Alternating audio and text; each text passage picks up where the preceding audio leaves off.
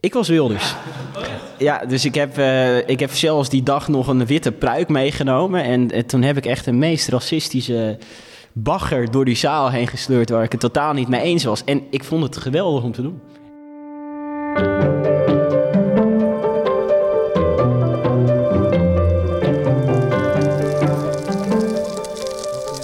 Hi. Hallo, goedemiddag. Er wandelt een dame met een kinderwagen langs in de dikke, dikke mist. Laurens, waar zijn we? In Wommel. Eh, eh, ja, mijn, ah, Even inkomen. eh, mijn, mijn, mijn lippen zijn een beetje... Het is koud.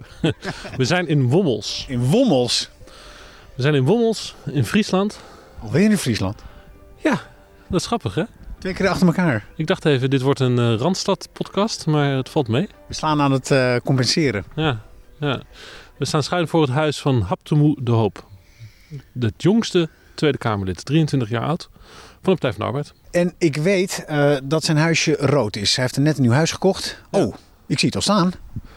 Ro, eh, ja, het is gewoon een stenen huis hoor, maar rode houten bekleding geloof ik aan de buitenkant. Ja, het is ook geen huisje. Het het is gewoon een groot huis. Hij is aan het verbouwen. Dus we zijn in, eh, in een bouwplaats podcast. Oh ja? Ja, oh, dat wist je niet. Nou, dat kan galmen. Dat kan wel effect hebben. Straks zitten we in zo'n in een of andere klankkast. Dit is De Binnenkamer. Harmer van der Veen en Laurens Boven gaan op visite bij politici van toen en nu. Een bezoekje in het hoofd en hart van bevlogen bestuurders. Hij verwachtte ons een uurtje geleden. Ja. Maar ik had wat problemen met de trein. En jouw hond moest nog worden uitgelaten. Ja, ja. Hebben we net gedaan hier in eh Hommels. Wommels. Hommels, shit. Bel jij aan? Is goed. Oh, dat hoeft. Hey. Ah, hij doet al open. Goeie, goedemiddag. Hoi, kom binnen. Kom binnen. Zullen we dat doen? Ja, eh, voeten vegen, schoenen uit. Ja, hoeft niet, want er ligt nog geen vloer. Dus eh, daar hoeven jullie geen rekening mee te houden. Vloer en deurmat. Gloednieuw, althans. Huis. Wow. Nou, allemaal beton. En de deur dicht. Hey. Hallo, ik zal me even voorstellen. Ik ben Harmen. Hallo Hilde. Dit is Laurens. Hi. Oh, je had jou voorstellen. Ja, zeker. Oh, sorry, ik loop achter. Kan ik eh, koffie voor jullie zetten? Eh, wat wil jij? Eh, liever thee, kan dat ook? Heb je dat? Eh, en voor mij ehm, wat spraakwater eigenlijk, dat is genoeg. Nou, dat is goed. Gaan we regelen. Ja? Wat was je aan het doen op het moment dat wij hier binnenkwamen? Ik was eh, eigenlijk eh, digitaal een, een vuurtje aan het aansteken voor de Groningen. Omdat er vanavond een eh, marsje is om respect te vragen voor de Groningers. nu er toch weer geboord wordt. Ehm, en ik zag het voorbij komen, ik kon er vanavond niet naartoe. Ehm, dus ik dacht, nou, dan kan ik op deze manier toch nog een beetje mijn solidariteit naar de Groningers tonen als mede. Wat is een digitaal vuurtje? Ja, ze, ze hebben een soort van fakkeltocht eh, vanavond. En je kon dan ook digitaal je eigen fakkel Oh, aansteken. Fakkels liggen niet zo lekker de laatste tijd. Nee, nee ja, ik, ik, had zelf misschien niet voor de, voor de Nee, fakkel hè? gekozen. Ik denk dat de fakkel Eh, een beetje uit is. Ja, ja, dat is wat gevaarlijk natuurlijk na, na wat er met Sigrid K. gebeurd is eh, afgelopen week. Maar toch. Maar eh, nou ja, als mede-Noorderling eh, vond ik het wel een mooi gebaar om dat ook nog even te doen. En ondertussen zaten we ook nog even na te denken met een raadslid uit Leeuwarden... of we in Friesland ook nog een actie of iets dergelijks kunnen doen voor Groningen. En ook in relatie met de UMCG, de, de kinderhartchirurgie die daar helaas waarschijnlijk ook weggaat... eh, dachten we, nou ja, we moeten misschien Ja. als Friesen ook even meedenken. Ja, want de Noordelingen voelen zich weer genaaid. Nou, dat kun je wel zeggen. Ja, ja en ehm, het, het, ja, het is eigenlijk ook wel de zoveelste keer dat er best wel respectloos is omgegaan met de mensen uit Groningen. Eh, dat, ja, het, het, het houdt er op een gegeven moment ook een keer op. Dat Ja. mensen die kunnen dan niet meer begrip hebben voor, de, voor politiek en die haken dan ook af. Maar is dit inderdaad, als je dan een Fries bent, dat je je dan loyaal opstelt naar de Groningse buurman? Omdat jullie allebei dan Noorderlingen zijn. Nou, ik denk de, de problematiek is wel heel erg vergelijkbaar. Groningen is een iets andere provincie, omdat de stad Groningen natuurlijk al echt heel groot is vergeleken met de steden in Friesland. Eh, maar als je kijkt naar de problematiek op het platteland, als je kijkt naar leefbaarheid, ehm, ja, dorpen die heel erg vergrijzen, ehm, de bereikbaarheid eh, richting de Randstad, dan zijn er heel veel problemen die heel erg vergelijkbaar zijn. Ehm, dus dat je het elkaar ook steeds meer aantrekt als er wat in de andere provincie gebeurt. Mhm. En is dan het, eh, het gasbesluit of dat besluit over het ziekenhuis, wat, wat, wat hakt er dan meer in op dit moment voor jou? Nou, ik, het gasbesluit hakt er wel meer in nog. Ik vind het besluit van het ziekenhuis ook heel ernstig en schrijnend. Maar, ehm, Want die hartchirurgie die gaat, wordt dan gecentreerd in... ja, eh, Rotterdam. eh, dat is grappig genoeg het ziekenhuis van de, van ja, de, van de huidige minister. Ja, ja, dus, ironisch, eh, hè? Ja, ja, ik denk dat daar misschien nog een beetje opheldering over moet, eh, moet komen de komende tijd. Dus ik denk dat daar ook nog wel vragen over gaan komen. Ehm, maar dat, dat vind ik al niet goed, ehm, dat, dat die voorziening ook nog verder weg is. Je moet je voorstellen als jouw kind een hartkwaal heeft... en niet één keer in de maand, maar meer dan wekelijks naar een ziekenhuis toe moet... dan is het vanuit Sneek naar, naar een Rotterdam of een Utrecht is echt heel ver rijden. Dat is echt heel iets anders dan dat je nog naar Groningen kan. Dus dat betekent heel wat in het leven van die mensen... die al een hele vervelende gezinssituatie hebben. Maar dat besluit over het gasboren, eh, dat er nu toch weer geboord wordt... terwijl zo vaak is toegezegd dat het niet meer zou gebeuren... Ja, dat is heel ernstig. En dan zag je ook nog al die mensen in de rij staan in de kou voor die subsidie, waar het veel te weinig geld voor was. Ja, dat voelt zo respectloos. Dat vind ik echt, eh, vind ik echt heel zorgelijk. En dan begrijp ik ook dat mensen in dat gebied gewoon geen vertrouwen meer hebben in de politiek. En dit is een onderdeel van jouw politieke identiteit ook, hè? Dat, dat je uit het noorden komt. Ja, Ja. En is dat ook een van de motivaties die je ook altijd voelt als je daar in Den Haag, daar, daar in Den Haag bent? Ja, nou, ik probeer wel elke keer een brug te slaan eh, tussen Friesland en Den Haag. En het is natuurlijk echt niet zo dat er niet mensen zijn die niet in Friesland of Groningen worden, die die, die mensen die daar wonen niet zien. Maar als je zelf onderdeel bent van die gemeenschap, dan, dan heb je soms nog even wat meer begrip en, en voel je die frustraties. En dan is het ook heel goed om, voor die mensen om te weten dat er iemand van hen in Den Haag is. Ehm, dus ik probeer daar wel echt een brug in te staan. Het hoeft helemaal niet op een populistische manier om de hele tijd te zeggen... ja, moet je eens kijken, slaat ons weer in de steek. Het kan ook op een hele verbindende manier. En die wel- mensen stem te geven. Het is ook wel traditie hè, bij de Partij van de Arbeid. Dat er eh, een, een, eh, de afdeling in Friesland is natuurlijk altijd een eh, vrij sterke afdeling Ja, Lut geweest. Jacobi hadden we. Ja. Met het Lut Jacobi-effect. Zeker. Toch? Die had toch Ja. een enorme winst hier. Ja, bij de gemeenteraadsverkiezingen in Leeuwarden. Goed voor de PvdA. Ja, ja heel goed. Ja. Ja. Maar jij bent het nieuwe gezicht, jij bent de nieuwe Luts dus eigenlijk. Nou, dat weet ik niet. Ik denk dat, eh, Onvergelijkbaar. dat, dat Luts, eh, Luts is en dat het Haptemoe Haptemoe is. En dat het maar goed is ook. Want eh, ik, ik zou niet kunnen wat zij, eh, wat zij kan op haar manier. Eh, maar ik probeer wel net als haar een echte volksvertegenwoordiger te zijn. Omdat ik dat ook een hele belangrijke rol vind. Aha. Wat is dat, een volksvertegenwoordiger? Nou, een volksvertegenwoordiger is iemand die de stem van het volk probeert te vertegenwoordigen, maar tegelijkertijd ook vooral een luisterend oor is. Ehm, dus ik probeer niet alleen in de Haagse kaastop ehm, wat dingetjes voor elkaar te krijgen, maar ik probeer zoveel mogelijk ook mensen juist in mijn eigen omgeving op te zoeken. en mensen mee te nemen. Dus andere politici ook mee te nemen naar de gemeente waar ik woon, Zuidwest-Friesland. Ehm, om te laten zien dat de dingen die hier spelen soms best wel heel erg anders zijn dan in Amsterdam of in Utrecht. En nou, dat wordt soms nog wel eens wat te veel vergeten. En het is niet iets bewusts. Maar ja, dat, ja het is niet het En eerste. welke minister heb je al naar eh, Zuidwest-Friesland eh, kunnen brengen? Nou, ehm, wat we eh, wel bijvoorbeeld hebben gezien bij de afsluitdijk... dat naar aanleiding van vragen... eh, Barbara Visser, die toen infra- infrastructuurminister is geweest... de afgelopen tijd nog hier naartoe is gekomen. Ehm, maar iets wat ik heel graag wil doen... is dat ehm, de onderwijsminister Dennis Wiersma... die komt ook uit Friesland, uit Franeker... dus die kent het heel goed. Die zou ik wel heel graag mee willen nemen... naar een aantal plekken in Leeuwarden en Harlingen... waar echt van oudsher heel veel armoede is en ongelijkheid...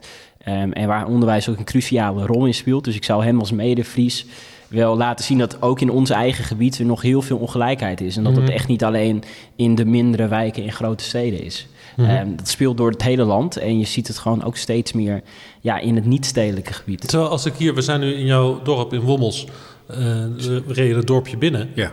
En ik zei tegen jou, goh, wat een, eh, wat een leuk dorp is dit, wat een mooi dorp. Dat is De- prachtig. De, de, de, oude, Ja, het is een oud centrumpje, maar al die huizen zijn prachtig mooi opgeknapt. En, eh, Ja, Laurens zei nog iets daarvoor. Hij zei, ik dacht dat Friesland lelijk was. Nou, dat heb je in ieder geval Ja, verkeerd met, gedacht. met, met van die akkers, hè, zei je. Met van klei en zo. En, nee, ja, god lelijk. Ja, nee. Ja, nou, je had- kaal. Kaal. kaal, sorry. Kaal. Ja, het- Kaal is ook- het- ja. Nee, kijk, ik hou van bossen. hè. En eh, Friesland is, heeft geen bossen, in mijn beleving. Misschien vergis ik me, maar het, mee. het zijn eh, weilanden, het zijn meren, het zijn sloten. Het is eh, een beetje drassig en je hebt die dorpjes wat dan kleine eilandjes zijn in de, in de leegte. Ik ben zelf meer een fan van Groningen trouwens hoor, en van de Waddeneilanden. Oké, Maar maar dat, nog eh, net op tijd recht getrokken. dus Harlingen, eh, dat is mijn haven om naar eh Terschelling en Vlieland te gaan. Ja. Maar de, de provincie zelf eh, heeft mij nooit zo heel erg getrokken. Nee, maar onbekend maakt onbemind, eh, Laurens. Maar Haptemoe, jij bent dus van hier en je gaat naar Den Haag, maar je haalt Den Haag ook heel nadrukkelijk weer naar hier. Ja. Dat is, zo voel je dat. Jij bent dus wat dat betreft ook echt een soort van twee pilaren zijn dat van dezelfde brug. Ja, nou kijk, het, het, het- je kunt op meerdere manieren volksvertegenwoordiger zijn. Soms is het ook gewoon goed om een doorgeefluik te zijn. Om de dingen die hier spelen, ook in Den Haag, eh, door te geven en te laten horen. Maar het- mensen moeten gewoon ook op de fysieke plek gaan kijken waar problemen spelen. En het- het- ik woon dan in de gemeente Zuidwest-Friesland. En dat is echt de grootste gemeente van Nederland qua oppervlakte. Ik ben er ook drie jaar raadslid geweest. En dan heb je 90 verschillende, verschillende dorpen en steden. Ja, en in een heel groot wijds gebied. En dan eigenlijk was het een soort van klein stukje Nederland. Omdat je eh, zes steden had en allemaal kleinere dorpjes eromheen. En ik heb daarin als ervaring ook wel gemerkt dat het gewoon super belangrijk is om al die dorpen langs te gaan. Omdat ook in zulke gemeenten al de politiek op een hele grote afstand eh, kan zitten. En nou ja, dat, die ervaring probeer ik ook mee te nemen door dat ook weer landelijk op die Mhm. manier te doen. Ja, ja, ja. Waarom doe je dit eigenlijk? Ehm, nou, eigenlijk vanuit een soort wederkerigheid. Ehm, omdat ik zelf best wel veel geluk heb gehad in, eh, in mijn leven. Ik, ik ben geadopteerd eh, nadat ik de vondeling ben gelegd. Ehm, en dat is eigenlijk niet iets heel zieligs. Het is eigenlijk iets heel moois. Omdat ik eh, terecht ben gekomen bij twee hele lieve ouders... die ontzettend veel van mij deden.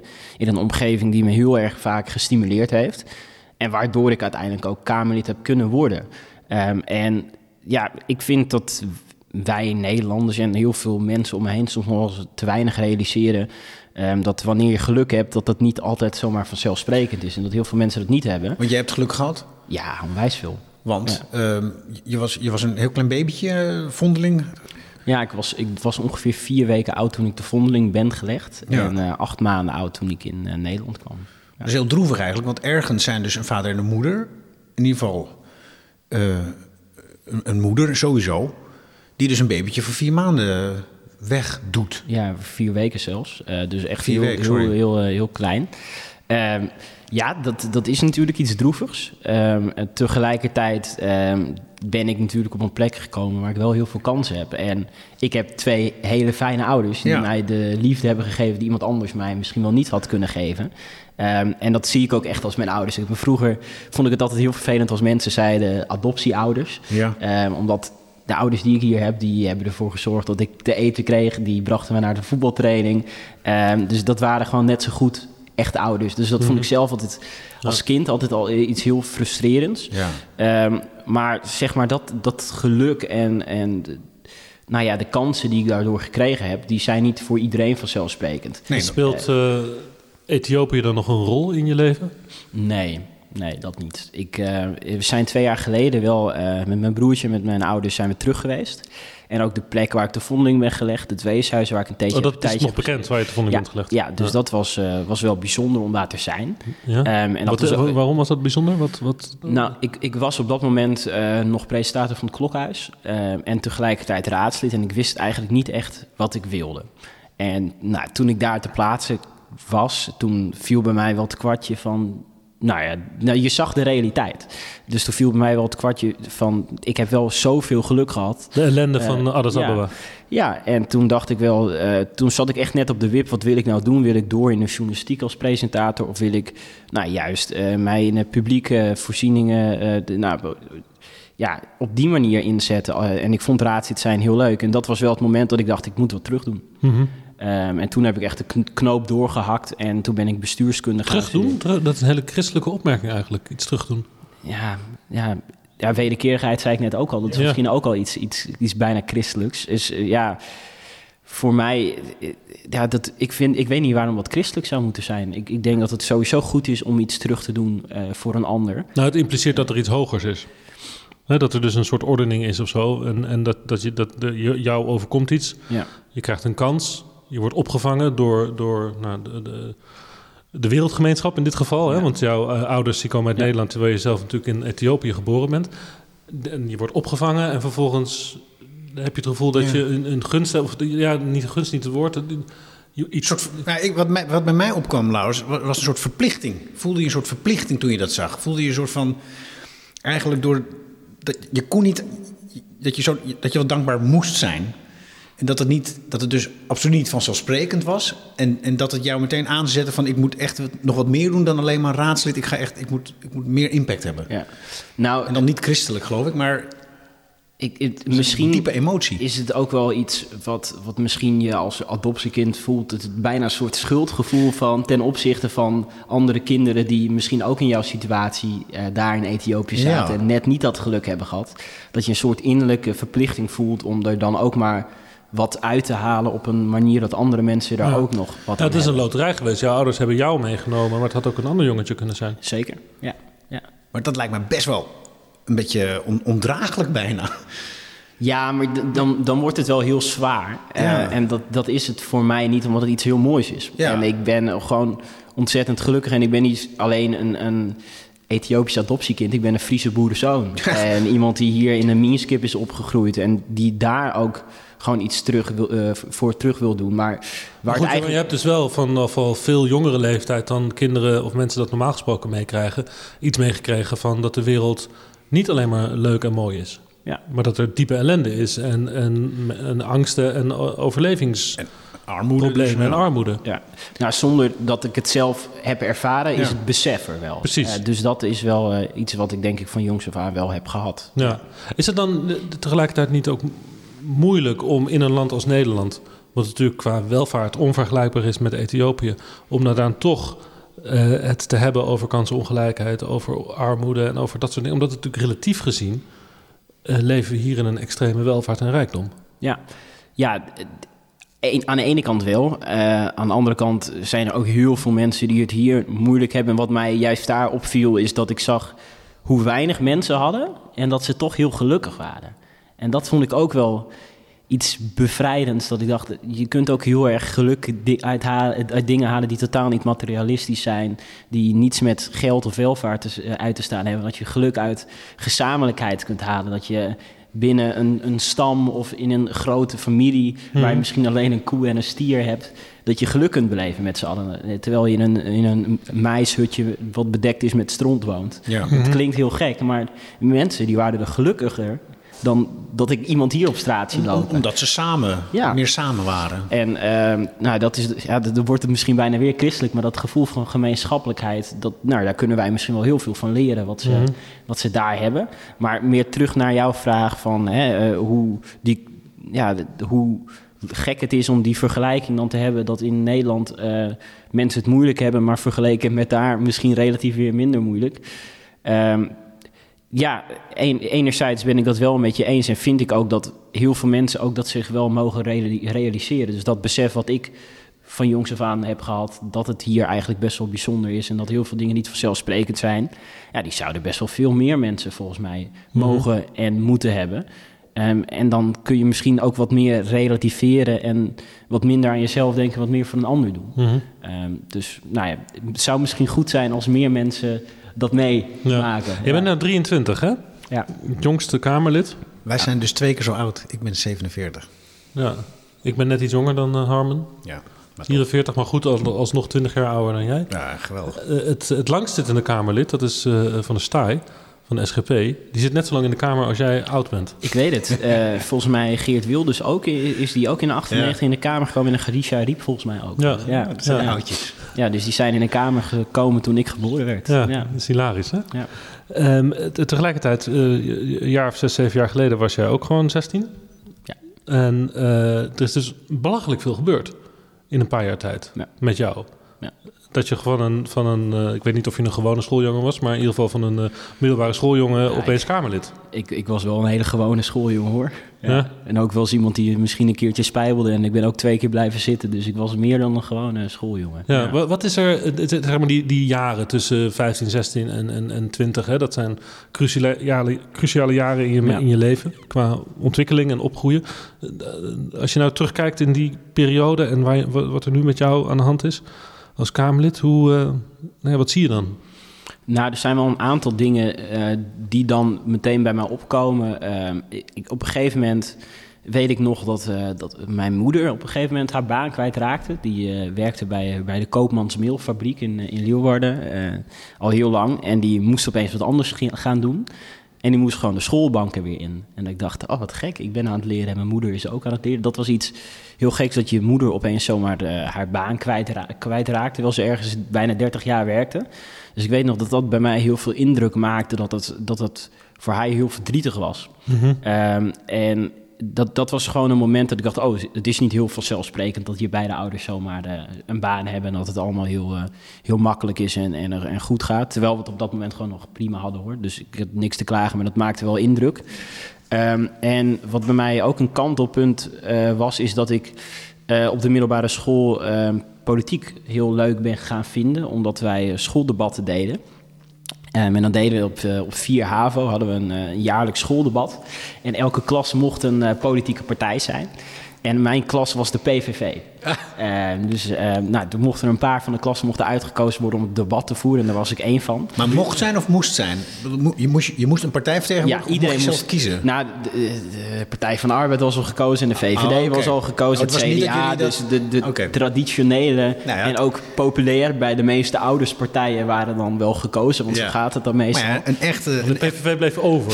In principe was dat zo. En toen was er natuurlijk een hele grappige jongen uit onze klas die zei... Uh, laat, uh, laten wij dan de PVV zijn, was ik niet hoor. Maar, uh, en toen uh, mochten wij dat debat voeren. En wie was Wilders? Ik was Wilders. Ja. Oh, echt? Ja, dus ik heb, uh, ik heb zelfs die dag nog een witte pruik meegenomen. En toen heb ik echt de meest racistische bagger door die zaal heen gesleurd... waar ik het totaal niet mee eens was. En ik vond het geweldig om te doen. Ik vond het echt geweldig om te doen. Verplaats je in de ander. Zijn, Ja. er, zijn er filmpjes van? Nee, er zijn, er zijn geen filmpjes van. Ik weet, ik weet nog wel dat ik een, Jammer. Een heel Hans Steeuwen betoog had over de vrijheid van meningsuiting. En dat, het, nou, dat zat inhoudelijk op zich wel redelijk in elkaar, maar dat schoot dan weer een stukje door. Maar ik won toen dat schooldebat. Jawel. Ja, Heb je er nog profijt van nu in de Kamer, nu je tegenover de echte Wilders zit? nou, ik Heb- ik heb heb, je- nog nooit met hem Heb je het hem verteld? Heb je het hem wel eens verteld? Nee, heb ik, heb ik niet verteld. Nou, dan weet ik, hij het nu. Ik heb hem eigenlijk ook nog nooit gesproken het afgelopen jaar. Dus Oh, eh, nee, dat is jammer. op die manier niet. Maar dat is bij mij wel het moment geweest dat ik politiek leuk ben. Wat, wat, heeft je, wat, wat, wat was het? Wat, het- wat ontvlamde er bij jou op dat moment? Nou, het- het, was toen op dat moment dat het leuk was. eh, maar ik zat toen ook nog in, in een andere lastige situatie... dat ik mijn maatschappijleervak nog niet met een voldoende had afgerond. En eh, ik, er was een werkstuk over Friedrich Nietzsche dat we nog moesten maken. Ik had er gewoon geen zin in. Ik, eh, ik was aan het voetballen en we konden kampioen worden... en we trainden drie keer in de, in de week. En ik, ja, ik had er helemaal geen tijd voor. Ik had er geen zin in. En toen, eh, ik haalde dat vak maar telkens net niet. Ehm, en toen zei mijn leraar, het is heel simpel, je gaat nu dat werkstuk maken of je komt bij de debatclub bij ons op school. Nou ja, toen was de keuze niet zo moeilijk. Dan ging ik vast bij de debatclub. En ehm, toen is het vuurtje wat ging branden bij dat schooldebat... Ja, dat is eigenlijk een hele bossenbrand geworden. Maar wat dan? Wat, wat, wat gebeurde er in die zaal op dat moment dat jij daar sprak... dat jij denkt van ja, dit is het? Ja, ik, vind het gewoon heel leuk om in een, in een, in een groep eh, te spreken en mensen te proberen te overtuigen. Ehm, dat vind ik, vind ik echt waanzinnig. En de- de- ik ben één op één soms nog best wel eens wat terughoudend, eh, soms zelfs misschien wel een, een beetje verlegen. Maar eh, als ik in een groep sta en er moet wat gebeuren, dan ja, gaat er een knop om op een of andere manier. En dan Mhm. voel ik me soms bijna een andere persoon. Ik heb dat soort momenten ja. ook wel eens gehad voor, eh, in, in mijn studententijd... dat je voor, voor een zaal in zo'n soort setting wat moest doen. En ik schrok er altijd een beetje van... Als de, de- hè, dat je dan effect hebt op zo'n zaal. Ja. Nou, het was bij mij niet schrokken. Het, eh, Jij vond ja, de- de- het, was, het was een geweldig gevoel. Dat je Ja? denkt, wauw, oh, mensen die kunnen ook misschien nog wel eh, onder de indruk raken. Of eh, het heeft effect wat ik zeg. Of, en dan denk je, wat is het leuk. Maar je had ook comediant kunnen worden of cabaretier. Maar jij wil dan vervolgens met, dit, met dat talent... wil je dan wel iets in beweging zetten. Iets maatschappelijks eh, nuttigs. Nou, dat was natuurlijk niet op dat moment dat ik dat al, al bedacht had. Maar het, ja, het is langzamerhand is dat, is dat verder gegaan. En we deden op een gegeven moment mee aan het Model European Parliament. Tijdens de, dat is, dat is een soort van naspelen van het Europees Parlement. Wat je, waar we dan via de debatclub bij terecht kwamen. Toen ging het over de vluchtelingencrisis eh, in Syrië, die toen heel erg speelde in 2015. En eh, ja, dan, dan verplaats je jezelf ook even in die vluchteling. Dat je denkt, oh ja, had ik ook kunnen zijn. En dan, ja, dan begin je je toch wel steeds maatschappelijk meer te verdiepen. En ook in die politieke vraagstukken. En zo ben ik uiteindelijk ook bij de sociale democratie Nee, uitgekomen. want jouw ouders zijn VVD'ers. Ja, Ja, ja. Ja. hè? heb ik uit betrouwbare bron. ja. Ja. Maar eh, heeft dat thuis nog iets op, eh, probleem opgeleverd? Of eh, Nee, totaal geen niet. scheuring? Nee, ik, ik ben eh, heel vrij opgevoed. Als in dat wij hoefden zelf geen boer te worden. Mijn, mijn vader heeft een melkveehouder, eh, eh, melkveehouderij. Eh, dus wij hoefden dat niet over te nemen. Ik mocht op voetbal en ik had ook op ballet gemogen. Het had allemaal gemogen. En zo is dat politiek ook. Eh, mijn ouders vinden het helemaal prima. Eh, maar ja, mijn, mijn, ik kom echt uit een VVD-gezin. Mijn moeder was vroeger eh, een bestuurslid van de LTO-jongeren in Friesland. Dus dat is natuurlijk wel net even een andere hoek dan de... Maar stemmen ze op jou? Ja, ja, ze stemmen zeker op mij. Niet Ja, op de VVD dus. dus. ja, ja nee, ik, ik denk ook wel dat ze een beetje zijn geschoven. Dat weet ik niet zeker hoor, maar ik denk wel dat ik ze misschien eh, tot Nee. nieuwe inzichten heb. Nou, ik bedoel, ik kan me eh, voorstellen dat als jij die zaaltjes daar staat te overtuigen, dat het aan de keukentafel thuis ook wel moet lukken, toch? Nou, dat is lastiger hoor. Ja. Dat is lastiger. Ja? Ja, ja, ja. dus... eh, Wat werd er bij jullie thuis eh, gedebatteerd? Ge- Was het geëngageerd? Was het... Nou, politiek? Wij, wij bespraken wel het nieuws, maar het was niet dat wij een uitgebreide politieke discussie hadden. En als het zo was, moest het meestal ook van mij komen. Oh ja. Dat is niet, niet erg, maar het was niet dat mijn ouders daar eh, dagelijks mee bezig waren. Maar jij stelde dan wel dingen aan de kaak. eh. Ja. Wat dan bijvoorbeeld? Want Eh, Als nou boerenzoon? Ja, nou ja, eh, eh, over duurzaamheid verschil ik natuurlijk soms best wel met mijn vader als, als boer. Eh, dat ik toch vind dat sommige dingen nog wel eens wat biologischer kunnen. En dat de boeren zelf ook een bepaalde verantwoordelijkheid hebben in eh, waar we misschien nu in terecht zijn gekomen. Nou, dat, daar, daar kunnen we wel inhoudelijk op botsen. En dan kan het ook wel eens emotioneel worden. Eh, dus dat is wel iets wat dan nog wel spannend is. Ehm, maar nou ja, de- alle ruimte is daar wel voor. Dus het is, er zijn geen dingen niet bespreekbaar. Dus dat, dat heeft mij daarin ook wel geholpen dat ik die ruimte daar, eh, daar kreeg. leuke ouders, dat hoor je meteen. Ja. Ja. En Wommels, hè, is dat allemaal. Dus dit dorp hier. Ja. Eh, je bent nu het Kamerlid van Wommels. Lokale beroemdheid ook daarmee? Nou, ik, ik, ik- ja, eigenlijk was ik dat al een klein beetje. Om- omdat ik eh, natuurlijk het klokhuis gepresenteerd heb. eh, ja, en ja, je bent toch een van de weinige donkere jongens eh, uit de buurt. Is zo- de enige toch, samen met je broertje? Nou, op, op, ja, ja, eigenlijk wel. Ja, ja klopt. Ja. Ja, ja er, is, er zijn wel wat, wat mensen de afgelopen jaren bijgekomen. eh, maar die, die, ja, die verhuizen dan na een tijdje ook wel weer. Dus eh, de, de enige die hier vast al een hele tijd wonen. Ja. ja. En hoe is dan de sfeer in zo'n dorp? Want eh, je bent dan een eh, bekende Nederlander en een Kamerlid. Is iedereen vriendelijk? Of, of heb je ook, stemt het hele dorp op jou? Ik, denk wel dat een aantal mensen wel op mij hebben gestemd. Niet per se van, voor de Partij van de Arbeid, maar gewoon omdat ik het ben. Ehm, maar om eerlijk te zijn kan het ze allemaal ook niet zo heel veel schelen. Eh, ik ben gewoon eh haptemoe en het eh boerenjongetje van de Zuidhoeken. Eh, en dat vind ik ook wel heel erg fijn eigenlijk. Dus ehm, ik rijd elke donderdagavond ook juichend de afsluitdijk weer over... om eh, in, eh, in Friesland en in Wommels gewoon een biertje te doen in in de kroeg... en het over voetbal te hebben. In plaats van over politiek of de coronacrisis. Want daar ben ik eh, dan op een gegeven moment wel even klaar mee. Dus dat Ja. vind ik ook wel fijn. Het is een uitlaatklep. Dit was mijn cue. Ik heb, eh, Laurens, ik heb Laurens gewaarschuwd in de auto. Er komt een blokje sport. Laurens gaat ook achterover zitten. ik niet. Ik ben dol op voetbal en sport. Eh, SDS, dat is de club hè, waar jij Ja. speelt. Sterk door samenspel. Is toch mooi, hè? Ja. DWS hebben wij in Amsterdam. Schitterend sterk door. Dat is, een, dat is onwijs diep sociaal-democratisch alweer. Ja. ja, toeval, maar wel heel mooi. Ja. Eh, en biertjes drinken, zei je ook al. Ik zag al twee kratjes pils eh, achter in je tuin staan. Weet je dat trouwens, hertog Jan? Ja, ik weet het. Ja, Ik weet ja, het. ja. Het was, ik, ik had ze speciaal daar zo neergezet dat het niet, eh, niet opviel. Het is niet onopgemerkt gebleven. Want ehm, ik heb eh, Remco gesproken. Jouw trainer-coach van voetbal, hè? Je hebt hem ook genoemd in je maiden speech. Ja, Volgens mij echt na je ouders. Je had het over eh, hè, gelijke kansen en dat dat, dat dat niet een aangeboren iets is. Nee, ik moet het goed zeggen nu. Ehm, dat, dat je dat zit niet krijgt- in je DNA. Het zit niet in je DNA, het zit in, in wie je kent. wie- datgene en diegene die je om je heen hebt. Schitterend. Waaronder dus je voetbalcoach Remco. Kan je iets over hem vertellen? Eh, ja, eh, Remco is de vader van een van mijn beste vrienden, Frank. Ehm, en ehm, wij zijn eigenlijk in het dorpje eh, met een groepje jongens dat eigenlijk op zijn zevende met elkaar is gaan beginnen te voetballen. Ehm, en we voetballen nog steeds allemaal met elkaar. Ehm, dus we voetballen al 15 jaar met elkaar. En het is ehm, nog zo'n hechte vriendschap. Dat is echt heel bijzonder. Ik denk dat maar heel weinig dat mensen eh, hebben met 15 mensen. Dus ik heb niet één beste vriend. Ik heb oprecht 14, 15 beste vrienden. En je, doordat je zo met elkaar opgroeit, ehm, heb je ook een bijzondere a- band met elkaars ouders. Omdat je die ook van jongs af aan hebt gekend. En Remco is in al die tijd onze voetbaltrainer geweest. Ehm, en dat is eigenlijk op een of andere manier ook een soort extra ouder. eh, zonder het te, te, te zwaar te maken. Maar ook Ja. als je net even niet iets met je, met je ouders wilde bespreken. Nou, kon je even een biertje met, eh, met Remco Ja. eh, drinken. Dus het was meer dan alleen een voetbaltrainer. Het was Remco die namelijk eh, jou van het veld wel eens moest tillen. Als jij, eh, ik heb hem gebeld. Ik heb uit, uitgebreid met hem gesproken over jou. Hij vond het ontzettend leuk om met mij over jou te spreken. En hij zei over jou dat jij nogal rank was en eh, mager, licht. Je was niet de zwaarste jongen hier. Nee. En dat je dan wel eens een beuk kreeg en dat je moest huilen. Heel hard. en dat Remco dan het veld in liep, jou optilde en dan eh, meenam het veld uit. Veel tranen. ehm, totdat je besefte dat je dan eigenlijk niet meer mee mocht voetballen dan. Hè?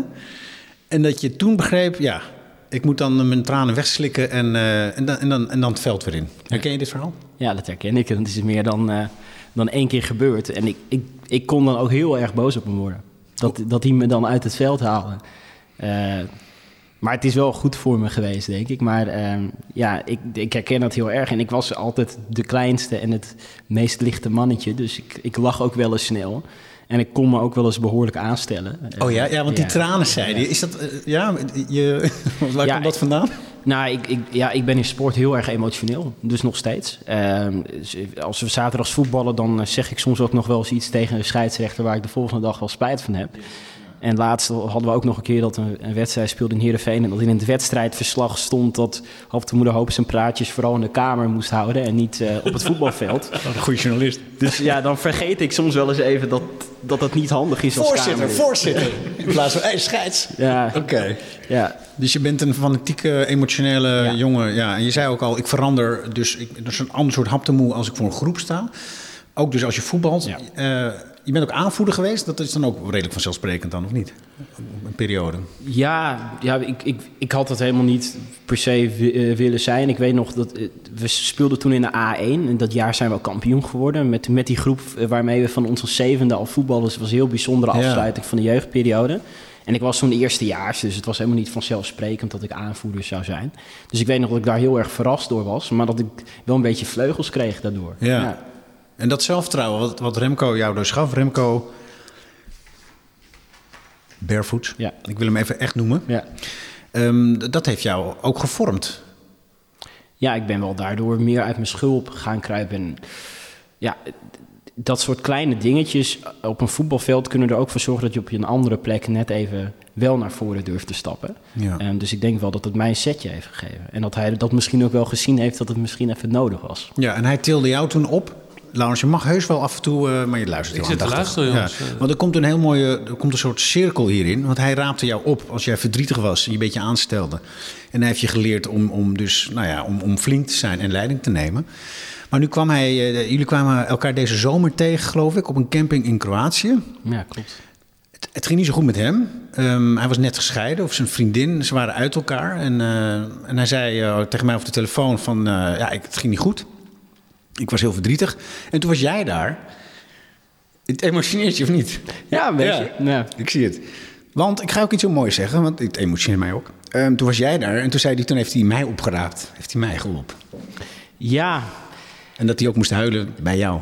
Ja, het, het, het was niet met dat doel, maar de ruimte was er gewoon om even wat dingen bij elkaar kwijt te kunnen. En nu was het een keer andersom. En ehm, ik bedoel, ja, het moet ook niet groter maken dan het is dat, dat ik er per se voor hem eh, eh, was. Of Hij maakte, zo. het, hij maakte het wel even groot. Ja, maar ja, ik merkte dat hij even wat nodig had. ja. En dan doe je dat. Ja. En dat, dat is dan iets heel vanzelfsprekends, maar het betekent wel heel veel voor elkaar. Dat is mooi. Hij vond het zelfs nog mooier. Hij zei: Het was ongelooflijk dat ik hem daar tegenkwam, op die plek. Daar diep, diep in Oost-Europa. Dat was toeval. Dat is toeval. Ja, ja. En opeens komt, komt Haptamoe met je, met je vriendin, vrouw, eh, op die camping blijkbaar. En, Ja. en was jij, nou ja, precies wat hij nodig had. Ja. Dat is toch wel leuk ook, hè? Dat je dan dus... eh, eh, Ehm, zeg maar, je zei net van die man heeft mij ook voor een belangrijk deel opgevoed. Althans, ik overdrijf nu een beetje, maar het was Ja, een, ja. speelde een rol in je opvoeding. Zeker. En dat je dan op een bepaald moment, eh, dat heeft ook met volwassen worden te maken en met eh, eh, dus zelf een man zijn die een andere man kan, eh, kan helpen op Ja. een bepaald moment. Ja, ja, nou ja, ik, ik ben wel mede door hem eh, een grote jongen geworden van het, kleine fine mansje dat ik, eh, dat ik was. Ja, hij heeft jou gemotiveerd toen om door te spelen. Ja. Hij heeft jou geïnspireerd om een goede voetballer te worden. En hij keert het nu om. Hij zei, Abdelmoe heeft mij geïnspireerd. Ik lees voor uit mijn boekje. Hij heeft mij geïnspireerd en gemotiveerd. En hij gaat nu ook stoppen met zijn werk. Hij, hij, hij, is, hij, is, hij is baas van volgens mij 100 werknemers. En hij gaat dus eh, zijn eigen leven een nieuwe wending geven.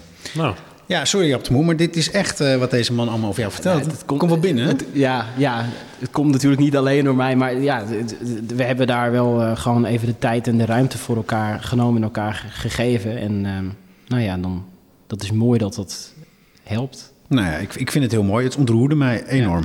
En nog tot slot, hij, eh, hij, hij vergeleek jou als voetballer. Want we gaan nu even over, weer over je Ja. techniek op het veld hebben, want je kon goed voetballen. Jij speelt met de rug naar de goal. Ja. Je kan hard pegelen. Toen dacht ik aan Henny Meijer. Ook een zwarte voetballer trouwens. Ik, maar het is een beetje oud voor jou, Henny Meijer. Ken je hem? Ik ken de naam, maar ik ken hem niet voetballend. Oké. Dus ik weet wie het is, maar ik heb hem nooit zien voetballen. Oké, geweldig goos. Speelde heel lang bij Groningen ook. En die, die speelde met zijn kont, een dikke kont trouwens, speelde met zijn kont naar de goal. En Laurens kijkt me echt totaal. Henny Meijer speelt met zijn kont naar de goal, met zijn rug. Die man was...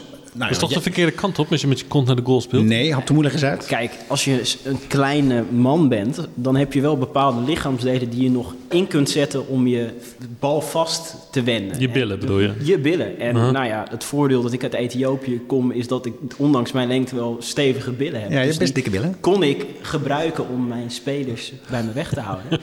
en zo kon ik een balvaste rol spelen in het team en kon men af en toe op mij Ja. leiden. Ja. Nou, dit, dit- dit moeten we nu vertalen naar de Tweede Kamer, of niet? Nou, Van hoe, hoe, hoe doe je dan... De, Nou, dat mogen de luisteraars doen. En dan, ik ben er lang uit, want ik zie dus gewoon... Ik zie dus, kijk, als je, dan, als, je dan, als je dan doeltreffend wil zijn... dan hoef je niet alleen, altijd zelf te scoren. Nou, laten we het hebben over het parlement. Ehm, dat, dat is dan Ploemen misschien, die moet de doelpunten maken. Oh, je speelt dan af.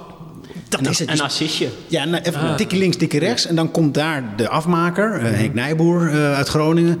Eh Adje Kuiken staat aan de andere kant. En dan is Haptemoe, die krijgt die bal. Laat hem niet afpakken, wat de PVV ook wil. Of, eh, of Jesse Klaver. Eh, en dan doet hij zo'n balletje naar rechts. En dan kegelt een andere eh, Kamerlid van de PVV. Nou, kegelt hem erin. Ja, toch? Ik vind het een mooie metafoor. Dankjewel. Ja. Dankjewel. Ik, misschien kan je aanhaken met een nieuw onderwerp. Oh, oké, ja. eh, Je ziet het nog even voor je. Ja, ik, vind dus het, ik, ik vind het heerlijk om, om dat allemaal ik, ik wacht samen- even of het blokje sport eh, was afgerond. Eh, tien te doen, Het is niet dat ik niet van sport hou hoor, maar ik vind, ik vind altijd... eh, Je voelt je niet zo op je gemak. eh. nee, maar nou, ik, ik bedoel, ik kan ook wel sporten, maar het is meer een, een soort van... Welke sport jij dan? Ik, ik heb lang getafeltennist in mijn jeugd. Was er ook best goed in. Is dat een sport of een Dat spelletje? is een sport. Oké. Toen, zeker. Pingpong. Ik, hè? ik dacht dat jij zegt het. ik pak heel even een glaasje water. Het wordt steeds gezelliger in eh, Friesland. Ehm, je krijgt als jongste Kamerlid best wat aandacht, hè? Viel mij op. Als Ja. je zo'n beetje zo de social media, jouw kanalen afpelt. En eh, er komt komt best wat pers langs hier in eh, Friesland.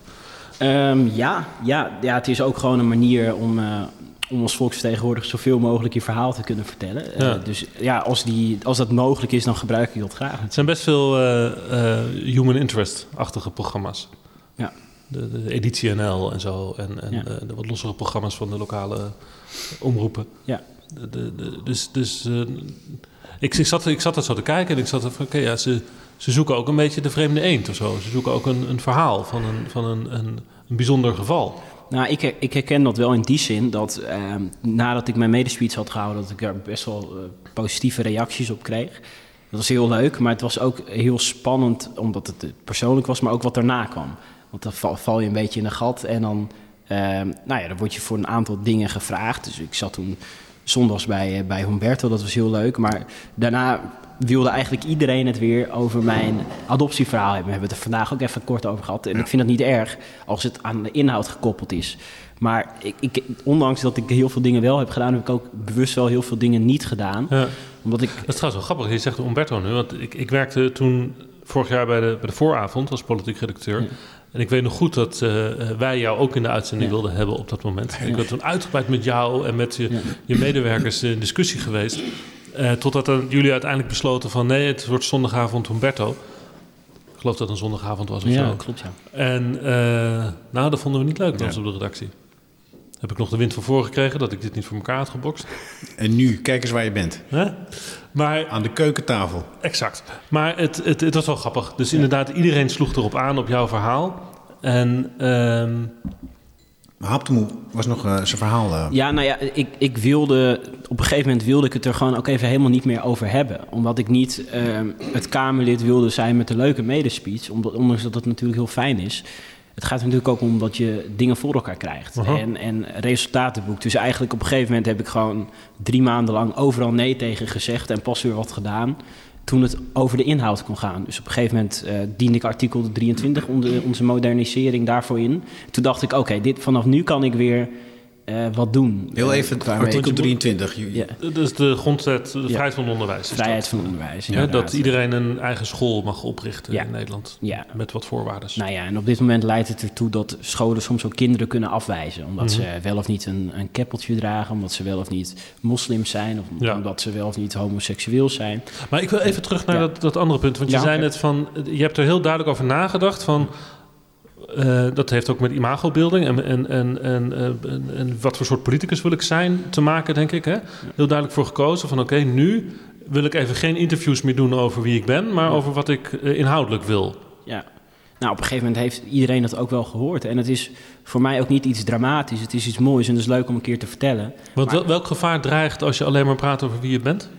Nou ja, kijk, ik, ik wil niet het knuffelkamerlid worden. Dus ik ben al de jongste. Nou, ben ik ook nog zwart. En ik heb ook nog een heel mooi, bijzonder verhaal. Nou, dan he- heb je natuurlijk wel het risico dat je een beetje nou, een knuffelachtig type wordt. Terwijl ik juist een inhoudelijk goed kamerlid wil zijn. Ondanks dat ik jong ben. Maar je Eh, ziet eruit, eh, volgens mij, we praten nu al een tijdje... volgens mij ben je ook best aardig. Een vriendelijke, vriendelijke jongeman. En je hebt een oude ziel, zeggen ook hier mensen uit het dorp en die jou kennen. Want laten we wel zijn, je bent heel jong en je hebt al een huis. Je hebt een samenlevingscontract. Dus eh, je, je- je hebt ook een soort van haast, lijkt het. Maar je bent ook wat dat betreft vrij serieus. Ehm, en, en nu je dus Kamerlid bent, wil je ook echt gewoon... Je hebt gewoon echt aan het werk. Ja, ja, ja weet je, ik, ik wil niet onderdoen voor, voor anderen op inhoudelijk gebied. Dus ehm, ik, ik voel het ook als plicht. Dus zolang je Kamerlid mag zijn en je weet nooit hoe lang dat duurt. Dus ik wil niet alleen maar mijn eigen verhaal vertellen. Ik wil dingen voor elkaar boksen. Ehm, en dat, Wanneer word je boos om iets? Ik ben eigenlijk zelden boos. Ben je het afgelopen jaar al een keer boos geweest in de Kamer? Ehm, moet ik even heel goed over nadenken. Ik denk niet dat ik. Nee, ik, eh, ik ben één keer, één keer misschien boos geweest ehm, in een emancipatiedebat. Ehm, dat was het debat waar eh, de botsing tussen Sylvana Simons en de voorzitter toen ook was. Was je Eh, bij? Ja, daar was ik ook bij, omdat ik zelf ook emancipatiewoordvoerder ben. Ehm, en het hele debat was keihard. En het was heel veel retoriek, ook heel veel rechtse retoriek over regenboogvlaggetjes eh, vanuit de kant van Forum en de PVV. En ik vond het zo ondermijnend voor de problemen die er zijn. Institutioneel racisme, eh, mensen die transgender zijn of LHBTI, die dagelijks geïntimideerd worden op straat. En dat ik dacht dat iedereen hier nu een showtje loopt te voeren voor een quote of om boos te zijn, puur om boos te zijn voor je achterban. En daar heeft gewoon niemand wat aan gehad over dat debat. Mhm. Eh, dat is wel de enige keer dat ik echt wel boos was. Ja. Dat heb ik toen ook wel gewoon in het debat even naar voren laten komen. Ja. En je was ook echt boos? Of was het, Nou, getergd. Ja. was het, was het functioneel boos? Nee, ik was, ik was echt wel boos. Ja. Ja. ja. En de emotie in, het, in de politiek, heeft dat een plek? Ja, ja. Ehm, ik, ik, ik verhul het ook niet als ik ergens emotie bij heb. Mhm. Ehm, dus ehm, bijvoorbeeld eh, met artikel 23, die vrijheid van onderwijs, heb ik ook gericht best wel emotioneel tegen LHBTI's gezegd van ik probeer jullie te zien. Er zijn mensen die jullie wel zien en die niet een karikatuur van regenboogvlaggen maken. En dan vind ik dat het ook best wel, ehm, dat daar emotie in mag zitten zonder daar emotioneel te doen alsof het, ja, er zitten goede, gewoon intenties bij. En soms kan iets je ook raken. Dat mag je dan Ja. ook laten zien, vind Ja. ik. Nou, ik, ik begon hierover omdat je net zei van ik wil geen knuffelkamerlid Ja. zijn. Ehm, en dan, dat roept bij mij het beeld op van dan hè, dan moet je ook af en toe met je vuist op tafel slaan. Ja. Eh, de- hè, ik wil dit nu, ik heb een meerderheid en zo gaan we het doen. Punt. Nee, Zo'n soort houding. Van, Ja. Ja, en effectief, hebben, effectief zijn en rendement Ja. eruit halen. Want, Ja, want dat zei jij. Ik heb echt doelen, die wil ik bereiken. Ja. Welke zijn dat? Nou, het, het belangrijkste doel is om ervoor te zorgen dat mijn generatie, jonge mensen die nu opgroeien, ehm, en dat kunnen kinderen van, van een jaar of zeven zijn, maar dat zijn ook jongeren van 17, 18 jaar, dat die weer een goede start maken in hun leven. Dat het niet meer de valse start is die het nu wel is. Omdat jongeren heel moeilijk aan een betaalbare woning komen, ontzettend grote studieschuld. En eh, let wel, het is gewoon de eerste generatie die het minder krijgt dan zijn ouders of haar ouders. En dat is niet. Vroeger was het gewoon zoals je je kind opvoedde. En ik hoop dat, dat het jullie ook gegund is. Dat je weet dat je kind meer kansen krijgt dan dat jij had. En dat is tegenwoordig niet meer vanzelfsprekend. En Mhm. eh, nou, ik hoop dat ik in ieder geval daar een aandeel in kan hebben dat dat eh, gekanteld wordt. Ja, en dat doe je bij de Partij van de Arbeid. Ja, niet echt de jongste partij. eh, Sterker nog, de oudste partij. qua, qua kiezers, hè? Qua kiezers. Ja. Eh, ik bedoel, jouw ouders die zijn denk ik nog in de jonge helft van het, van het Ja, PvdA-electoraat. als het onder de 60 is, dat zal een jonge helft zitten. Ja. Maar jongeren, dat is dus... Wat, Maar waarom, waarom doe je dat bij de Partij van de Arbeid? ja. Nou, waarom omdat- niet bij Bijeen of bij GroenLinks desnoods? Eh, Volt. nou, Volt. ik, ik, ik geloof in, in de sociaaldemocratie inhoudelijk. Maar ik, ik, kijk, ik geloof ook in partijen die wel degelijk constructief zijn. Ehm, dus echt iets voor elkaar proberen te krijgen. Dus ik, ik heb heel veel sympathie bijvoorbeeld voor, voor de SP en voor bijeen. Maar ik zou daar niet bij kunnen zitten omdat ik die manier van politiek bedrijven net niet constructief genoeg vind. En ik wil als ik ergens op stem en als kiezer wil ik ook dat het een partij is die eventueel deel zou kunnen nemen aan een kabinet die ook inhoudelijk dingen voor elkaar botst. Je had graag geregeerd in dit kabinet wat... Nou ja, natuurlijk had, had ik graag geregeerd. Ik zit in de politiek om dingen voor elkaar te krijgen, niet te- ten koste van Ondanks de slechte ervaringen van de Partij van de Arbeid met het regeren samen met Rutte. Nou ja, ik denk dat, dat als we met GroenLinks eh, aan hadden kunnen sluiten in dit kabinet, dat het echt een fantastische kans was. Wat ben jij, voor, ben jij voor die samenwerking GroenLinks PvdA? Ja, ik ben daar wel heel, eh, heel positief Ook voor een over. fusie? Nou, een kijk, nieuwe beweging? Ik vind het altijd moeilijk om daar te praten. Niet omdat ik niet wil laten weten wat ik vind, maar omdat het gewoon wel echt iets wat natuurlijk is wat bij leden ligt. Dus ik ga daar als Kamerlid niet over, maar ik sta er heel. je bent ook een lid, toch? Ja, ik ben ook lid. Ja. En ik maak er ook geen geheim van dat ik daar heel positief tegenover sta. Eh, omdat ik ervan overtuigd ben dat er inhoudelijk bijna geen verschillen zijn. Ehm, en dat ondanks dat de PvdA de afgelopen jaren wel eens groter is geweest... en GroenLinks wel eens groter is geweest... dat ik eigenlijk het al heel gek vind dat het nooit al zover is gekomen. Omdat inhoudelijk de verschillen heel klein zijn... En dat telkens een van de twee partijen wel weer uitgespeeld wordt door de rechtse partijen. Ja. Meer, ik, ik snap het gewoon Nee. niet. Dat het Maar je überhaupt voelt je aangesproken tot de sociaaldemocratie. Ja. Ehm, als mensen dat op die manier zeggen, dan is er vaak ook een soort emotioneel gevoel met de historie van de sociaaldemocratie. Eh, die teruggaat tot de Ja. 19e eeuw. Het is natuurlijk de oudste partij in zekere zin in Nederland. Heb ik minder. Dat heb je minder, want Ja. Dat is vaak ook een belemmering namelijk voor die fusie met GroenLinks. Omdat GroenLinks uit een hele andere stroming komt dan de Sociaaldemocraten. Ja. Ja, en ik, ik moet zeggen dat soms die liefde voor de geschiedenis van de Partij van de Arbeid... dat het misschien ook wel een valkuil voor ons is. Ehm, m- gewoon al even de eerste ledenraad waar ik was... toen de internationale daar werd gezongen... toen dacht ik, weet je, waar ben ik hier terechtgekomen? Ja, oké. Als jongeren zijn. Terwijl het natuurlijk op zich hartstikke mooi is... en dat het ook echt van die opstand van socialisten... een Nou ja, dat, waren dat was de Friese klassenstrijd eh 100 maar- jaar geleden. Ja, Dat was een sociale strijd. Maar dat was toen en ook oudbollig misschien. En jij denkt... Ja, eh, Domela, Nieuwhuis, ik weet het allemaal. Ja. Maar toch, ja, als je jongeren wilde aanspreken... is dat nou de manier om, eh, om, om, om, om nou, wat is wel de manier dan? Want ze zullen heel erg bij de Partij van Arbeid naar jou kijken. Met je 23 jaar. Ja. Van, van hoe krijgen we jouw eh 20-jarige generatiegenoten weer aan boord? Ik denk dat één ervan is taal.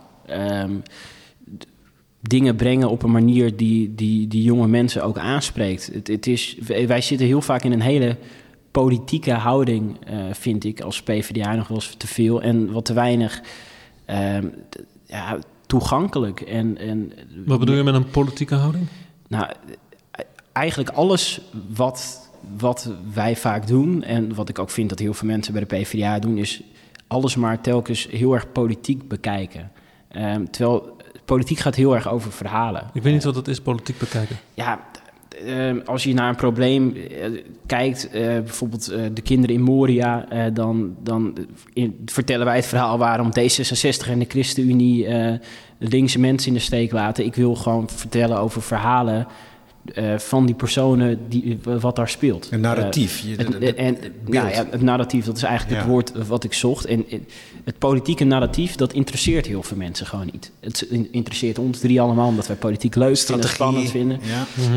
Ik wil meer ja, naar verhalen toe. En ik vind, ik vind dat dat te weinig gebeurt. Bijvoorbeeld als we het over de coronacrisis hebben. ehm, ik, ik vind ook dat we zelf meer op zoek moeten naar die huisartsen in Rotterdam... die ervoor zorgt dat mensen op de markt wel die prik nemen. Ehm, dus veel meer dat lokale verhaal doorvertalen naar politiek... in plaats van alles meteen politiek te maken. Dat ja, probeer ik te zeggen. dat politiek maken, net zei je van wat je aantrekt in de Partij van de Arbeid is ook het constructief en het willen regeren. Ja. En dat zit natuurlijk, dat heeft met elkaar te maken. Dat politiek eh, strategisch denken Ja. en praten. Maar het een hoeft het ander niet uit te sluiten. En ik denk dat... Maar is dat zo? Want eh, als je, eh, als je namelijk een, aangrijpende vluchtelingenverhalen gaat vertellen over Moria... en een paar jaar later eh deals sluit die eh, ehm, eh, neerkomen op we willen minder vluchtelingen...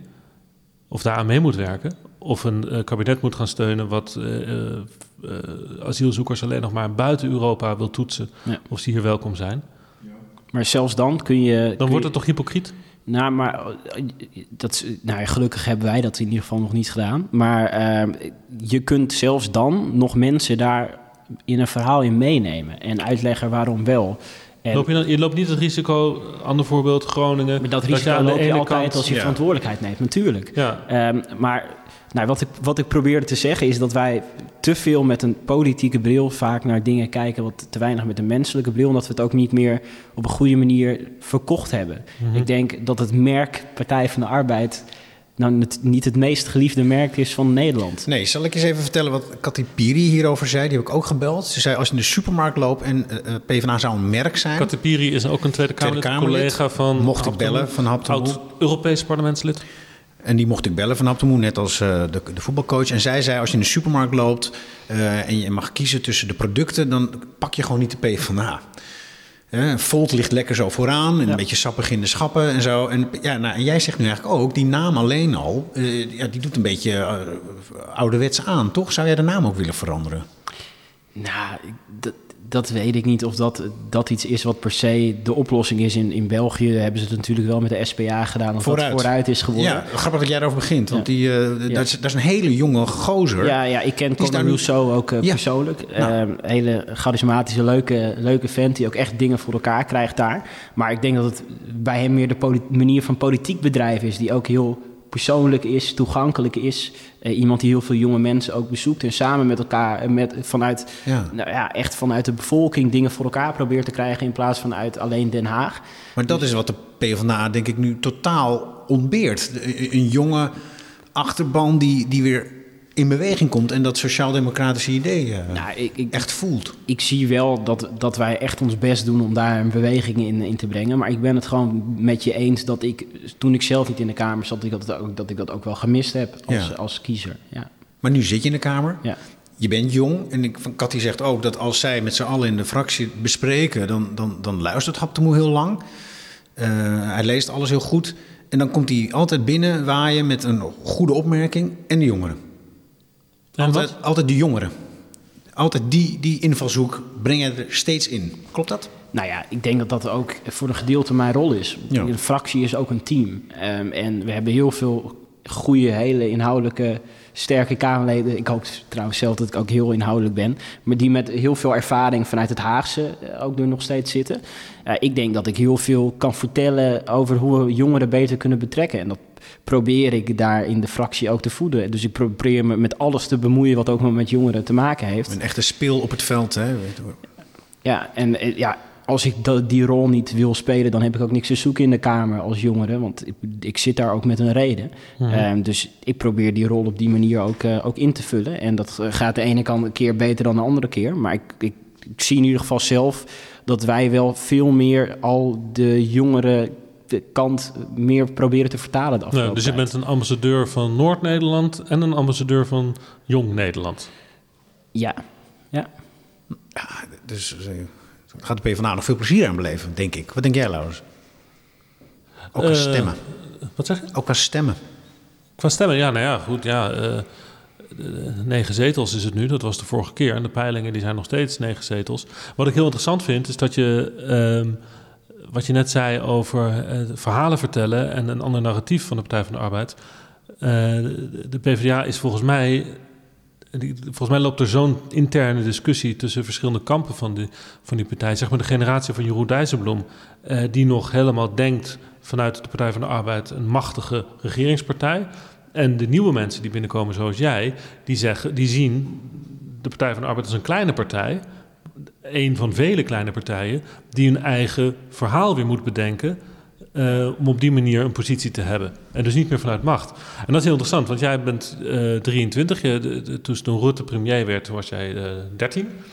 Hè? Eh, ja, ik, ik, ik kan mij Balkenende niet meer herinneren als Je hebt nog nooit een andere minister-president eigenlijk niet bewust. bewust. Nee, niet nee, bewust, nee, inderdaad. Maar dat betekent dus ook dat, eh, zeg maar, een, een, eh, praktisch jouw hele bewuste politieke leven de Partij van de Arbeid een kleine partij is.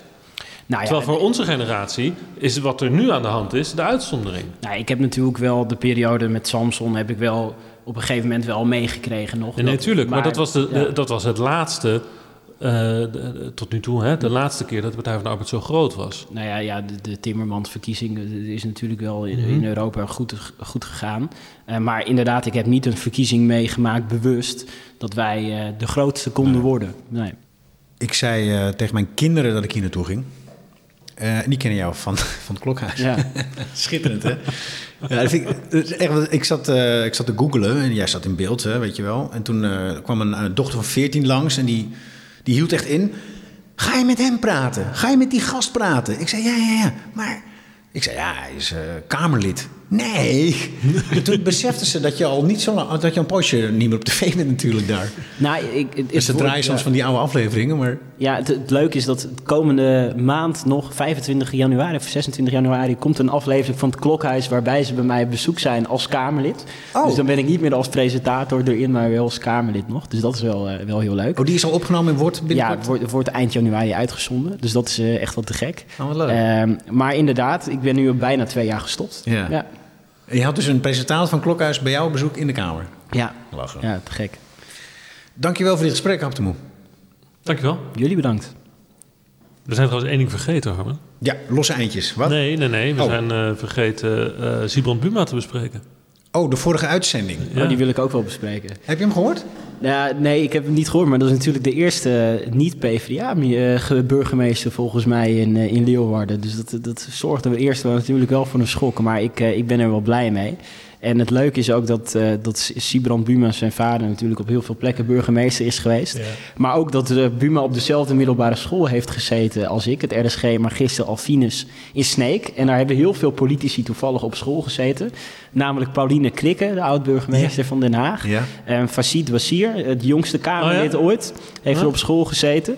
Dus het, eh, het is op een of andere manier een politieke kweekvijver, die middelbare school in Sneek. En, en ook Buma zelf dus. Ja, Buma zelf ook. Wat leuk. Moeten we een keer heen naar die, naar die, eh, moeten we die eh, directeur daar eens een keer spreken? Ja, Ja. Of, de, of de debatclub. Ja. Oh, Ja. natuurlijk. Dat Ja. is de, de succesvolste Jeetje. debatclub van de middelbare Ja. scholen in Ja. Nederland. Wat grappig. En, en, en Buma is een Fries. Dat, dat, dat, dat, dat moet jij natuurlijk ook aanspreken. Ja, ja, hij heeft natuurlijk wel een tijd niet meer in Friesland gewoond eerst. Maar het is, eh, het is een Fries en die weet eh, heel goed wat er speelt eh, met zijn achtergrond. Dus ik, ik ben wel op hem, op hem gesteld. Ja, want, je gaat hem nog, want jij kende de podcastreeks al. Hè? Dat vonden we heel leuk om te horen. Want toen ik jou belde van wil je erin, zei je ja zeker. En ik ken de reeks. Of Ja. althans, ik ken de, de podcast. Ja, en nee, ik, ik had toe- toevallig die van Jeroen Dijsselbloem toegestuurd gekregen. Dus Ja. met veel interesse geluisterd. En dacht ik, nou, volgens mij is dit wel leuk. Dus ik, ik heb die met eh, Dylan ook eh, geluisterd en met, eh, met Eppo Bruins. Dus dat vond ik... ik hoop dat deze aflevering eh, ook, eh, ook op dat niveau Ja, komt. daar kom jij Ja. tussen. Maar inderdaad, we hadden de uitzending nog niet besproken. Wil, wil je dat nu? Nou ja, hij heeft dat al.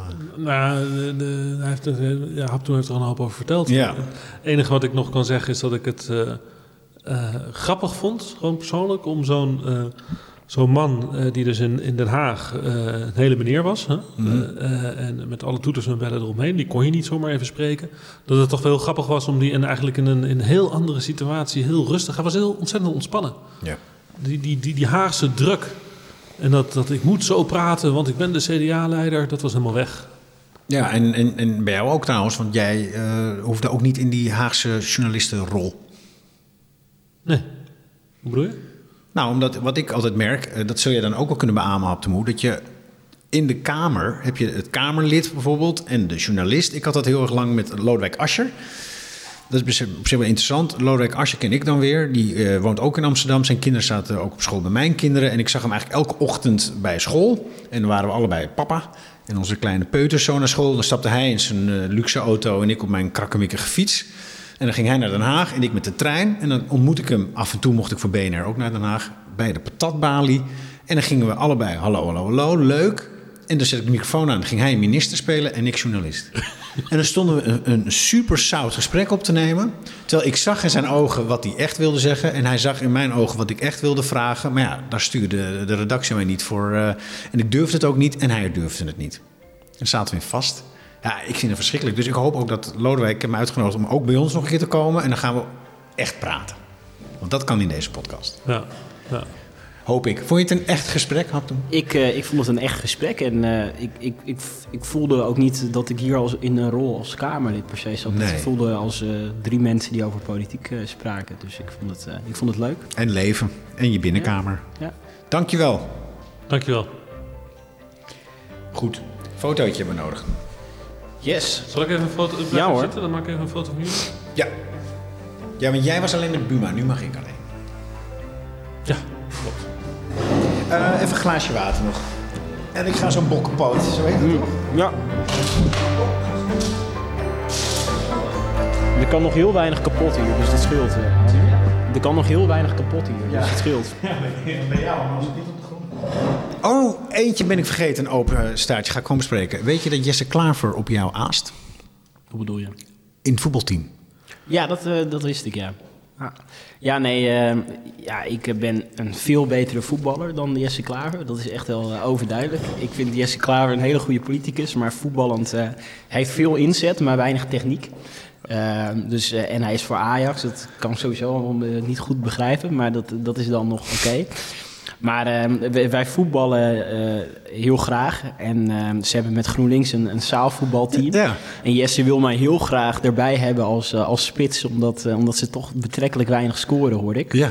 Ehm, en we hebben in, in het reces. Dus trouwens, ik heb eigenlijk nog best wel een leuk verhaal over GroenLinks. Als jullie dat nog maar. mee willen Band nemen. loopt nog hoor. Nou, we hebben in het... Twee leuke verhalen, denk ik zelfs. Maar we hebben in het... eh, in het reces hebben we een, een dag gehad samen met GroenLinks, een heidag. En toen hebben we ook een voetbalwedstrijd gehouden. En dan mocht Lisa Westerveld, kan ook echt goed voetballen, eh, mocht een team samenstellen. En dan mocht ik een team samenspelen met eh, vooral PvdA'ers. En eh, nou ja, dik gewonnen natuurlijk eh, van, van GroenLinks. Het was echt, eh, echt heel leuk. Maar eh, waar Lisa en ik op het eh, gebied van onderwijs goed samenwerken... heeft ze mij wel één keer behoorlijk goed onderuit gekegeld eh, op het voetbalveld, moet ik zeggen. Oh ja? Dus eh, ja, ja, Je moest niet huilen. Nee, het viel mee. Deze keer hoefde ik niet uit het veld eh, gedragen te worden. Goed zo. Nee, en, en het andere leuke, denk ik, is nog wel dat eh, de, samenwerking met GroenLinks... dat eh, was natuurlijk best wel spannend in de zomer van... eh, hoe gaan we daar nou met z'n allen aan de slag? En toen hebben we één dag met elkaar boven het station in, in Den Haag... hebben we met de Kamerleden met elkaar gezeten. En toen, toen was de openingsvraag eigenlijk... ehm, wat is nou jouw favoriete GroenLinkser voor mij? En wat is nou de favoriete PvdA voor de GroenLinks mensen? Wat een leuk begin. Het was echt een heel leuk begin. En ehm, voor mij was het eh, Femke Halsema. Omdat eh, mijn moeder een keer heeft overwogen om op haar te stemmen. En dat het voor mij een, een moment was dat ik dacht...